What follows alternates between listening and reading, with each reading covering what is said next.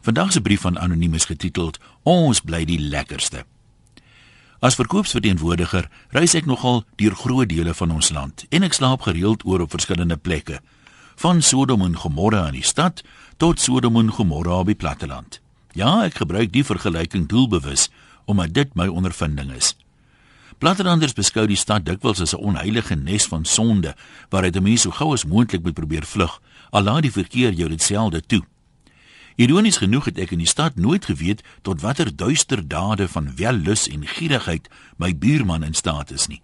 Ons het bloot nie omgegee wie Sondag waar nie en net so af en toe vriendelik gewaai as ons dalk soggens toevallig op dieselfde tyd werk toe ry. Op die platteland is die sonde meer sigbaar. Besmoontlik omdat dit nie so dig bevolk is nie en individuele wandade dus makliker uitstaan. Die feit dat daar 'n nuusverspreidingsnetwerk op die platteland te bestaan, meer effektief as Facebook en Twitter saam, dra sekerlik ook daartoe by. 'n Mens sien die splinter in jou buurman se oog ook baie makliker raak op die platteland. Die mense daar gaan nooit hulle bronne na voordat hulle 'n kinderstorie begin publiseer nie. Maar dis vir hulle doodnormaal en totaal onnodig. As 'n tydskrif of 'n koerant egter 'n soortgelyke storie publiseer, is dit natuurlik 'n ander storie. Dan is dit die media wat blaatante leuns publiseer en weer net sensasie soek. Ek vind dit mense in die stad wat 'n behoefte het aan allerlei wellustige dinge, maklik in hulle karre sal klim en openbloot ry tot by 'n plek waar hulle dit kan kry. Plattelandse mense ry egter liewer na 'n ander dorp toe omdat hulle dorp se buurtwag daarom te op en wakker is. Daarom is dit beter om buite sig onder 'n skuilnaam te sondig. Soos die oom wat kastig landbou skou toe was, maar eintlik 'n jonger plesiertjie gaan koop het. Maar hy vergeet die kwitansie in sy broek se sak.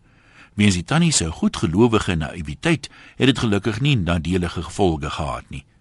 Toe sy die kwitansie op wasdag ontdek, het sy bloot gevra hoekom hy dan die Isuzu by 'n escort agency laat dien sit. Ek dink in die stad of die platteland is beter as die ander een nie. Dis bloot 'n kwessie van smaak.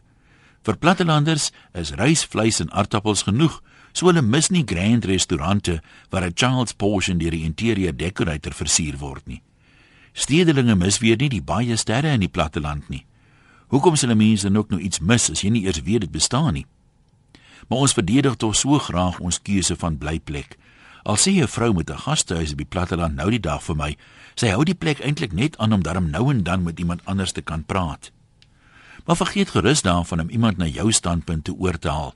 Soos die filosoof gesê het, moenie iemand veroordeel bloot omdat hy anders sondig as jy nie. Groete van oor tot oor. Anoniem.